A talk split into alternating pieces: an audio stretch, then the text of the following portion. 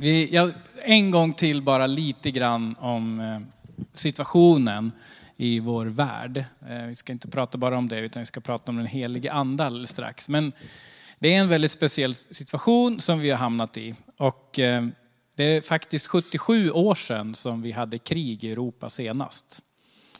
Och ni som kan er historia så var det Victory Europe Day den 8 maj 1945. Nu har vi 2022 och det är, vi har haft fred i de här, under de här åren. Och vi har varit tacksamma för det och vi har blivit bortskämda nästan med det. Det har ju varit krig på många andra ställen på jorden eh, under den här tiden. Men nu vet vi att Ryssland har gått in i Ukraina och freden är bruten. Och under den här liksom, tiden som det har varit avspänning så har det också blivit nedrustning. Och det finns en del profetior, det finns en del personer som har fått liksom upplevt att de har fått meddelanden från Gud. Vi är ju en kyrka och vi tror på Gud och vi tänker att Gud också kan meddela sig med oss människor även i nutid. Och det har, skrivits ner en del saker som, som eh, är otroligt exakta och som man måste ha respekt för. Du kanske möter en massa saker med profetior och så här och det, det är alltid så att vi ska pröva det och vi ska liksom läsa det och fundera. Hur kan vi tänka om de här sakerna? Men det finns bland annat en profetia som, som eh, en kvinna i Norge på 60-talet fick, där hon såg framåt i tiden om så många saker som har fallit in nu. Det var en annan person som fick höra om det här och skrev ner det som heter Emanuel Minos. Och han tyckte när han fick allt det här som hon berättade om, vad hon såg framåt. Hon, han tyckte det var så konstigt så han la det liksom i en byrålåda och sa det där, det där kan vi inte förmedla. Det är så annorlunda och saker som inte man kunde liksom föreställa sig. Men han plockade fram det där 30 år senare, 1998, så såg han att det var väldigt många saker med samhällsförändringar och så som hade inträffat. Så han börjar få, liksom, tänk om Gud har liksom talat genom den här kvinnan. Och så börjar det här sprida sig, just det här. Och då, stå, då fick hon just om en, en lång tid med avspänning. Och när hon fick det, då ska vi veta att det var på liksom piken nästan av kalla kriget. Så det var ingen som pratade om avspänning. Det var ingen som tänkte att det skulle vara nära till hans. Men sen har vi haft det. Och Norge har nedrustat, hon visste att det skulle ske. Sverige har nedrustat, många har nedrustat. Vad skönt att vi har kommit ur den här jobbiga tiden med så mycket krig. Men sen såg hon också framför sig att det skulle komma nya krig. Och, och de här delarna och andra som har upplevt saker och även faktiskt att det ska kunna komma hit till norra Europa. Eh, det här behöver vi inte skrämmas av. I, I Matteus 24 så står det så tydligt, när ni hör rykten om krig så låt inte skrämma er, säger Jesus. Men vi behöver samtidigt ta det på, på allvar på det sättet att vi inte bara kan avfärda det och säga att det där händer inte.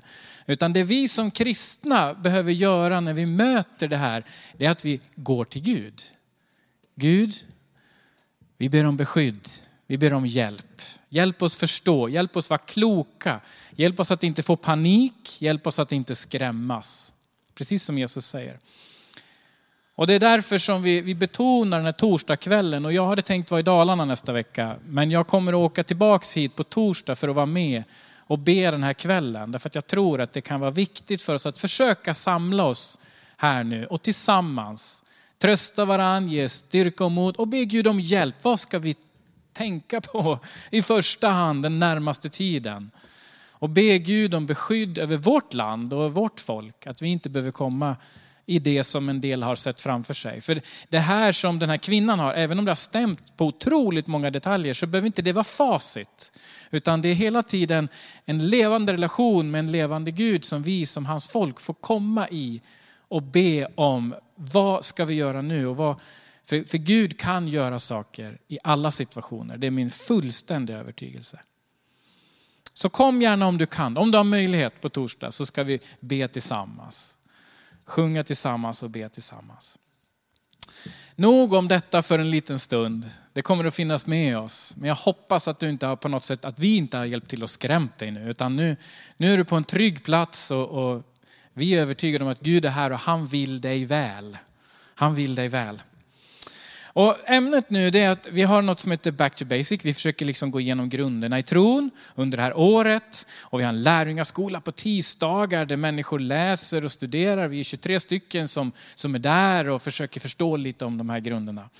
Och det som kommer den här veckan, det är om den helige Ande. Den tredje personen i gudomen.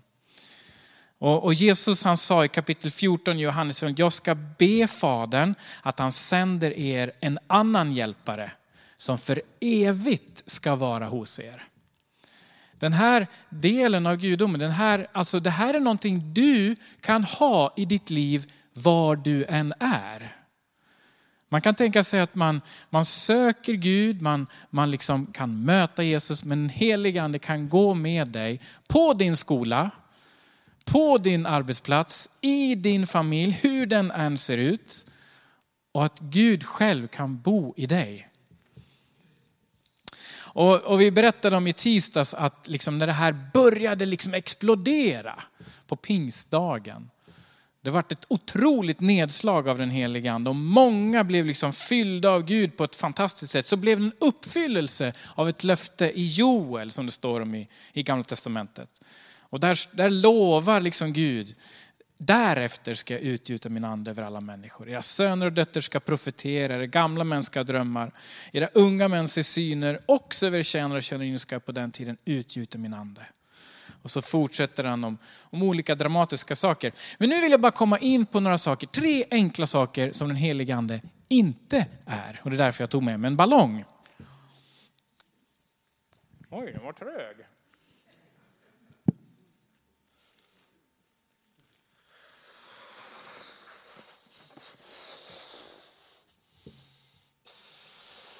Det här är inte den helige ande. Du kanske har fått för dig att det liksom är Gud som ska fylla dig. Och du ska liksom bli så fylld utav, ja det blir liksom någonting helt annat. Och så blir det så, nu ligger den på golvet där och det där är inte heller du. Den helige ande är inte luft som ska fylla dig så du flyger iväg och liksom blir något helt annat än vad du är idag. Och så tar bara luften slut och så måste någon liksom, så ligger du där på golvet tills någon blåser i dig igen. Det är inte den helige ande.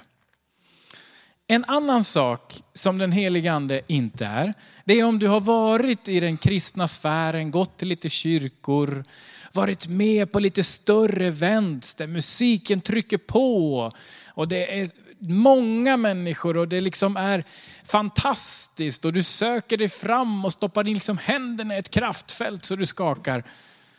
Det kan vara den helige ande, absolut. Men det är inte den, den, den dominerande sättet som Gud vill möta precis dig på. Det är fantastiskt med alla konferenser, det är fantastiskt med alla stora event där det händer mäktiga saker och man känner hela kroppen hur liksom Gud vill vara nära. Men, men det, Gud är större än så min vän. Det tredje sättet som Gud och den heliga ande inte är, det är att han blir en kraft i dig som gör att du tappar alltså kontrollen över ditt liv. Det kan hända att Gud ibland vill visa att han kan ta kontrollen i ditt liv och kommer dig så nära så att det under en stund blir lite svårt att kontrollera sig. Jag har själv varit med om det så jag vet att sånt kan hända. Men över ditt liv, som den heliga ande kommer över dig, så är det inte liksom att du både tappar hjärnan och tappar din egen vilja. Utan Gud han vill visa dig sin vilja genom dig. Han vill tänka att du ska få tänka hans tankar i ditt huvud. Med ditt huvud kvar, din hjärna är kvar, ditt förstånd är kvar, din vishet, det som du redan har fått. Det är inte meningen att du ska skruva av huvudet, lägga det på hyllan och tänka nej nu tror jag på Gud. Och så får det bli som det blir.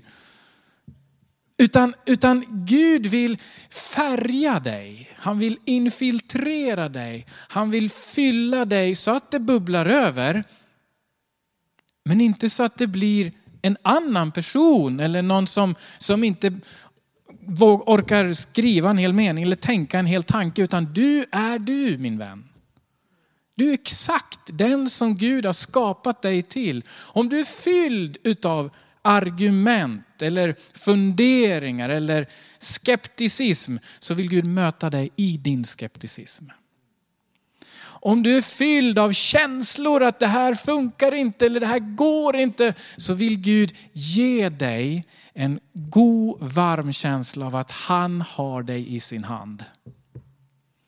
Gud vill inte ta över dig och styra dig som en robot så att du far iväg och helt plötsligt hamnar i Tanzania utan att du sa ja och ska vara missionär där resten av livet. Det funkar inte så med Gud. Men den helige ande vill komma och ge dig. Och då vill jag bara säga två saker. Och det här blir en ganska kort predikan. Två ord ifrån Nya Testamentet om vem den helige ande är. Det första är ett grekiskt ord, parakletos. Och på svenska så översätter man ofta det med en hjälpare. Och då kommer vi tillbaka till Johannes 14. Om ni älskar mig, säger Jesus, så håller ni mina bud.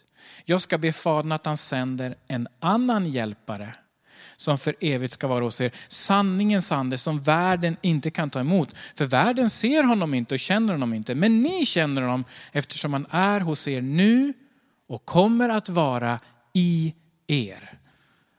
Parakletos, det grekiska ordet, det kan betyda förespråkare, en som tillkallats, talesperson, rådgivare, advokat, försvarare, tröstare. Det är den helige ande. Tänk att få ha en inneboende tröstare. Eller när jag kommer i massa bryderier i mitt liv en rådgivare. Att Gud själv vill bo i dig och vara din rådgivare. Visst är det bra? Eller att han vill bo i dig och vara din försvarare. Gud, jag har gjort rätt, men jag anklagas för massa saker som jag inte har gjort. Jag har, jag har gjort det jag kan, men en del påstår att det inte duger. Men Gud vill i dig vara din advokat, din försvarare. Det är den helige ande. Och så ett annat ord, dynamis. Grekiska ordet dynamis. Vad kan det vara släkt med för andra ord som du tänker på som far genom ditt huvud? Dynamit, exakt. Och på svenska så översätter vi det med kraft. Den helige ande vill vara kraft. Inte så att det blir punka som på den ballongen. Så att det bara far iväg i fem sekunder och så störtdyker ner i golvet. Om du drivs av en massa saker som du ska göra i ditt liv, dåligt samvete, prestationsångest, det kan vara en massa saker som driver dig framåt. Så vet du så väl hur det där är. Det blir aldrig tillräckligt bra. Men det är inte den helige ande. När det är sån drivkraft så brukar det till slut hamna på golvet i en gympahall. Men, men när den helige ande får vara med och vi förstår att det är den helige ande och vi vänder oss så ger han den kraft du behöver för den uppgift du har just idag. Den helige ande vill vara kraft. Och det är ingen kaxig kraft. Tänk om vi kunde få troende som i största möjliga ödmjukhet bara ställer sig upp och säger, jag vet inte, men kanske vill Gud göra någonting här. Jag är lite trött när det kommer höga anspråk på ett och annat. Och det blir så mycket eget. I Paulus han säger så här, vi har denna skatt i en bräcklig lerkruka. För att den väldiga kraften ska vara från Gud och inte från oss själva. Vi är hårt pressade från alla håll men inte krossade, rådvilla men inte desperata, förföljda men inte övergivna, slagna till marken men inte utplånade. Vi bär alltid Jesu död i vår kropp för att också Jesu liv ska bli synligt i vår kropp. Paulus var så medveten om sin begränsning. Han var bara en person med 24 timmar om dygnet, han blev trött, han behövde mat, han behövde sova, han behövde, och ändå har han fått betytt så otroligt mycket för den kristna tron. Han fick vara med och skriva ner Romarbrevet 10 och 9, om du med din mun bekänner och, och liksom ett antal ställen i Nya Testamentet som vi har läst många gånger. Han fick vara med och se hur församlingar startades på plats efter plats. Men han var en helt vanlig person. En helt vanlig människa. Och man kan till och med se spår av liksom, konflikter mellan Paulus och de andra apostlarna. Visst är det bra att det står så att man förstår att det var en vanlig människa. Och Paulus inser det själv. Den här skatten jag har fått, det här att jag tror och att den helige ande får bo i mig, den här kraften som finns här, den finns i ett, en lerkruka. Och en lerkruka på den tiden, det var liksom det vardagliga. Det var inte guldskål han skrev, det var inte silverbägare, sånt där liksom vackert, fint, tjusigt. Utan en vanlig lerkruka som alla människor hade råd att skaffa sig. En lerkruka. Den här fantastiskt stora saken jag har fått av Gud, den förvarar jag i mig själv. Och jag är inget extra. Jag är begränsad. Och det kan till och med bli så i våra liv att när krukan går sönder, då syns kraften ännu mer. När du tycker att du har gått i väggen, du har gått längre än väggen når och du tycker att det liksom är bara nerbrutet och trasigt. Gud bor i dig min vän. Gud kommer att uppenbara sig i din omgivning även när du tycker själv att du fullständigt misslyckats. Om du och jag bara kan vara lite ärliga med oss själva jag har gjort fel. Jag har misslyckats. Jag vill försöka ta ansvar för det som jag inte gjort rätt. Så kommer människor att se en helt annan sorts person än de de kanske är vana att se. Varför då? Därför att Gud bor i dig. Att du går sönder min vän, det betyder inte att Gud misslyckats med dig. Det betyder inte att livet tar slut. Det betyder inte att det är stopp i ditt liv och inte finns nya chanser. När det går sönder i ditt liv så kan du när du är ärlig få se att Gud gör saker i din omgivning som du inte kunde räkna ut. Och som du definitivt inte hade någon ork att fixa. Därför att Gud vill bo i dig och göra någonting fantastiskt vackert i din omgivning. Du och jag är bräckliga lerkrukor, precis som Paulus. Men den helige ande, den väldiga kraften som han skriver om, den är från Gud och inte från oss själva. Till slut vill jag landa i, hur kan vi få del av den heliga Hur kan den helige ande fylla mig så att det liksom blir mer? Jag vet mig om mig själv, jag vet mina begränsningar, men jag vill att det ska vara mer av Gud på något sätt. Alltså inte så att jag blir en annan person utan att jag blir färgad i mina tankar. Att jag blir formad av Gud. Att, att det får bli, att det ändå syns någonstans. Och då vill jag berätta om en tid när det blev väldigt stark närvaro av Gud själv. Och det här är ifrån 1949. Hebrides utanför Skottlands kust, en, en ö. Det var sju män och två kvinnor som bad väldigt mycket till Gud under en period. Och de längtade efter att Gud skulle göra någonting mer. De var troende. Men de längtade efter att det skulle bli mer, att det skulle bli så att folk liksom blir berörda av Gud, att det blev på riktigt. Och de bad. Och en kväll hade några samlats i en lada för att be. Och så läste en ung man från psalm 24 och 3. Och där står det så här. Vem får gå upp till Herrens berg? Vem får ställa sig på hans heliga plats. Och så fortsätter han i vers 4 i början. Den som har skuldfria händer och ett rent hjärta. Sen stängde den unge mannen Bibeln.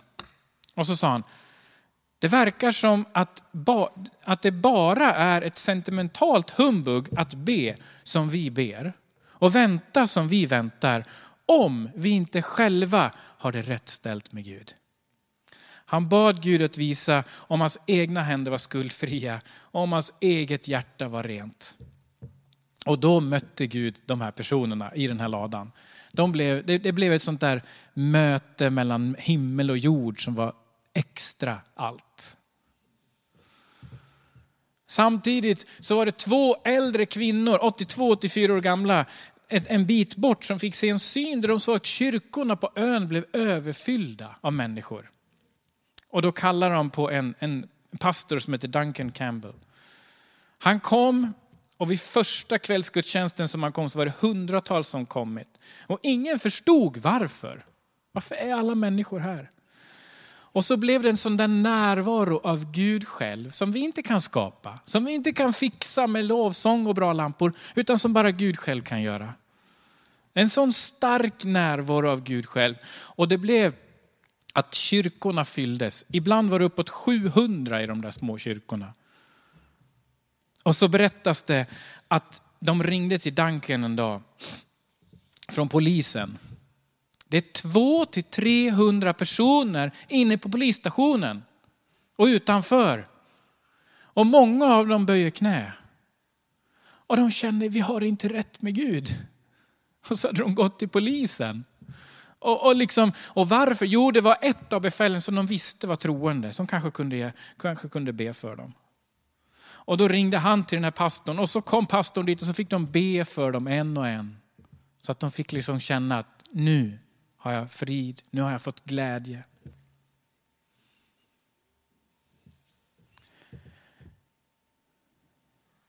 De hade funderingar om sitt liv, om det var rätt, om, det var, om de hade kommit rätt med Gud, om det liksom var rätt. Och jag tänker så här ibland, har, det här var en annan tid, en annan plats där många visste vad Bibeln sa om olika saker.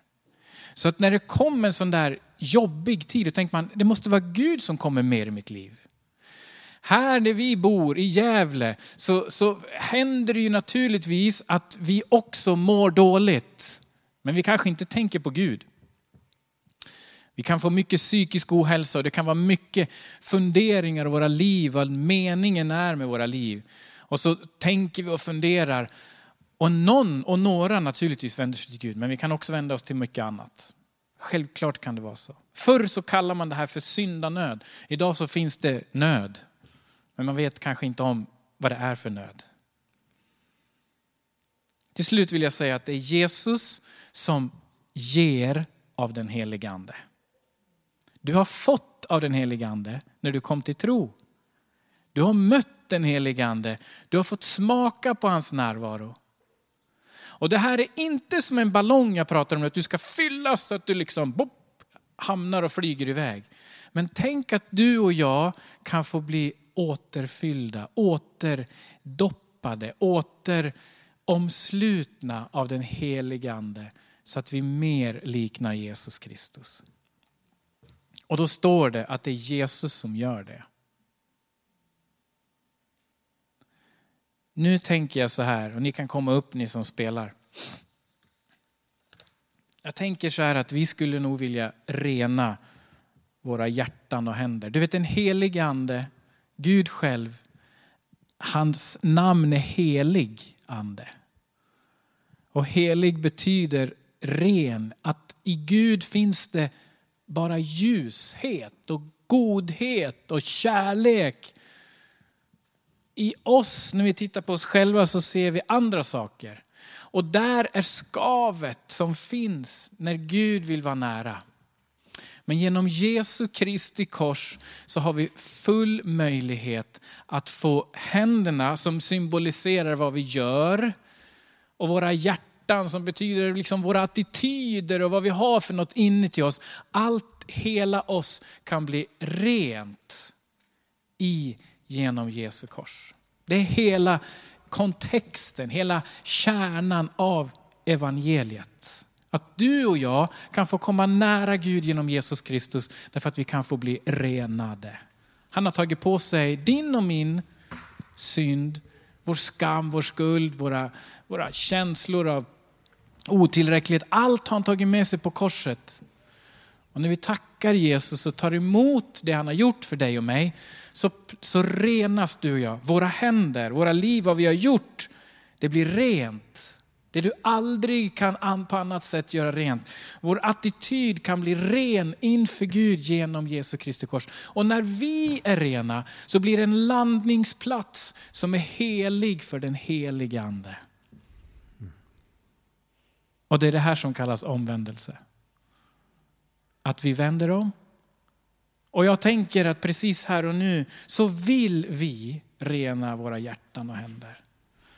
Och så vill vi be, kom heligande och fyll oss. Kom heligande och led oss. Kom heligande med din kraft. Som du vill. Det här är inte för att du ska bli en annan person. Det är inte för att du ska fara iväg och se ut som en pingstkarismatiker ut genom dörrarna. Utan det är bara för att du och jag ser vår bräcklighet. Jag ser den i alla fall. Min egen bräcklighet. Herre, Herre, vi ber att du ska vara riktigt starkt och tydligt närvarande här och nu. Herre, vi vill så gärna få gå dina vägar. Vi vill inte vara en ballong som flyger iväg. Vi vill vara en som går ett steg i taget tillsammans med dig. Herre, vi vill fortsätta att vara fyllda av dig. Herre, vi vill vara ledda av dig, för vi vet att då får vi gå på livets väg. Det som lever, leder till det levande landet och, och, och vi får se saker som du vill visa oss. Tack Herre för det. Kom heligande med din kraft och fyll oss. Herre, jag ber för den som sitter och tänker på sina eventuella misslyckanden. Herre, på din befallning så bara ber jag ut att du är förlåten. Du är ren i Jesu Kristi blod och kors. Du är friköpt, priset är betalt, allt är klart. Du är fri. Amen.